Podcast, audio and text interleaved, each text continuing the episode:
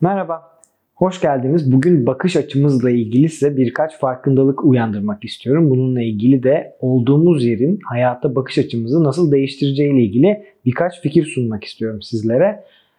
Bütün gün boyunca, hayatımız boyunca bulunduğumuz yerden aldığımız verileri işleyerek çevremizle aslında iletişim haline geçiyoruz. Dolayısıyla da bulunduğumuz yer o an elimizde olan veriler her zaman bizim için doğru akışı ifade etmeyebilir, doğru bilgiyi ifade etmeyebilir.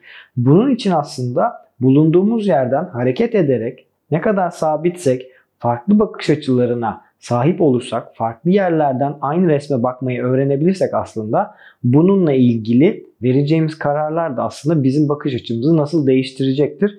Bunu birazcık daha tartışmak istiyorum sizinle beraber. E, gündelik hayatımızda çok fazla insanla beraberiz ve sürekli bir veri akışı bize geliyor ve bunları değerlendirip ona göre karar veriyoruz. Aslında baktığımızda bunların kilit noktalarından birisi şöyle düşünebiliriz. Sürekli bir karar vermek için aslında daha fazla öne eğildiğimizi düşünebiliriz. Ama doğru bir karar vermek için aslında birazcık daha geriye çıkıp resmi daha geniş çerçeveden görmek bize çok daha fazla avantaj sağlayabilir. Bunu işte bir stratejik nokta olarak düşün. Dağa çıktı, çıkarken gördüğünüz yerle dağın daha yüksek yerlerine çıktığınızda gördüğünüz manzara çok daha değişecektir.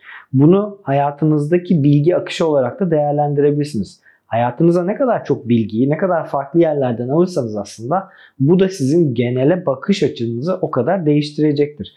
E, bunu yaparken de sadece işte tek bir noktaya odaklanıp e, limitli bilgiye sahip olarak analiz etmek doğru olmayabilir. Peki o zaman burada şunu düşünmemiz gerekiyor. Biz elimizdeki bilginin doğru olup olmadığını ya da olduğumuz pozisyonun doğru olup olmadığına nasıl karar vereceğiz?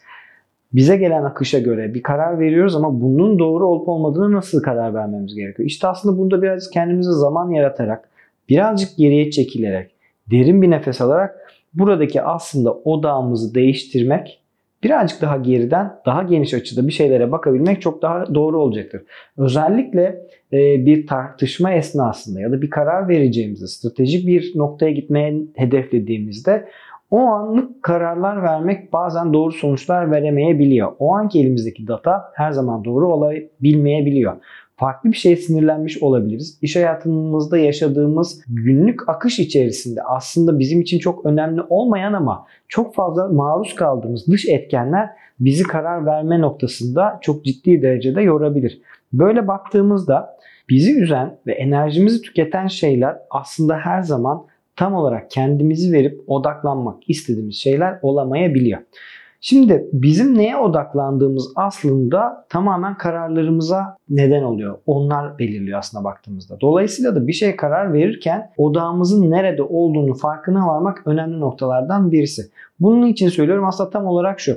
Gün içerisinde beynimiz sayısız defa farklı karar veriyor. Farklı etkenlerle uğraşıyor. Farklı kimileri iyi kimileri kötü oluyor. Peki odağımızı daha nasıl daraltıp da aslında doğru bir şeye odaklanabiliriz. Hem odağı daraltmaktan ve aslında büyük resmi görmekten bahsediyoruz. İki farklı kontrast kavramın bir arada değerlendirilmesi gibi düşünebilirsiniz. Bu karar verirken aslında odağımızı tek bir yerde noktada tutmakla ilgili en çok en basit yapılacak şeylerden birisi aslında not almak. Daha fazla düşüncelerimizi, almak istediğimiz kararları yazdığımızda ve o kararlar doğrultusunda hareket ettiğimizde çok daha o noktaya odaklanarak kararlarımızı verebiliyoruz. Tabii ki kararlarımızı verirken farklı yerlerden farklı bilgilere ihtiyacımız var ama baktığınızda doğru analiz yapabilmek için birazcık daha bekleyerek, birazcık daha geri yaslanarak resmin bütününü görmek, farklı analizleri yapmak çok daha işimize gelecektir.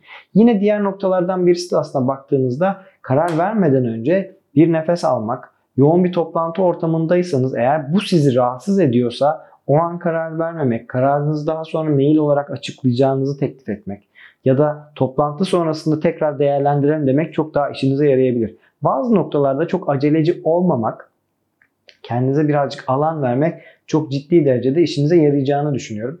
Dolayısıyla da nerede olduğunuzun yanında hayata nasıl baktığınız ve o kararlarınızı neye göre verdiğiniz de aslında sizin gitmek istediğiniz yolla en önemli yoldaşlarınızdan birisi olacaktır. Böyle baktığınızda da bir karar verirken aslında ne kadar çok veriyi analiz edebilirseniz, ne kadar büyük resme odaklanabilirseniz o kadar işinize yarayacaktır. Bunu şöyle bir örnekle devam ettirmek istiyorum. Bir sınıf ortamında olduğunuzu varsayın. Birinci sırada oturuyorsunuz ve size bir soru geldi. Tahtanın aslında çok dar bir alanını gördüğünüz için karar vermekte ya da soruyu çözmekte zorlanabilirsiniz. Bunu daha önce de açıklamıştım ama sınıfın arkalarında oturan öğrenciler daha geniş bir perspektiften baktıkları için bütün tahtayı görebildikleri için aslında sorunu çok daha basit görebilirler.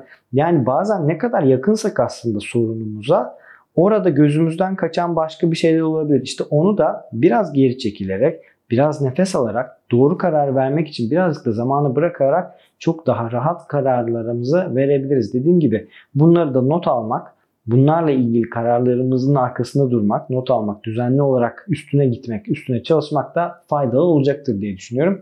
Bu bölümü birazcık böyle kısa tutmak istedim. Özellikle bakış açımızın olduğumuz yerin bizim hayatımızla ilgili neyi değiştirdiğini tartışmak istedim sizlerle. Dolayısıyla da böyle baktığımızda siz karar verirken nelere dikkat ediyorsunuz? Hangi noktalar sizin hayatınızdaki kararlarınızı etkiliyor?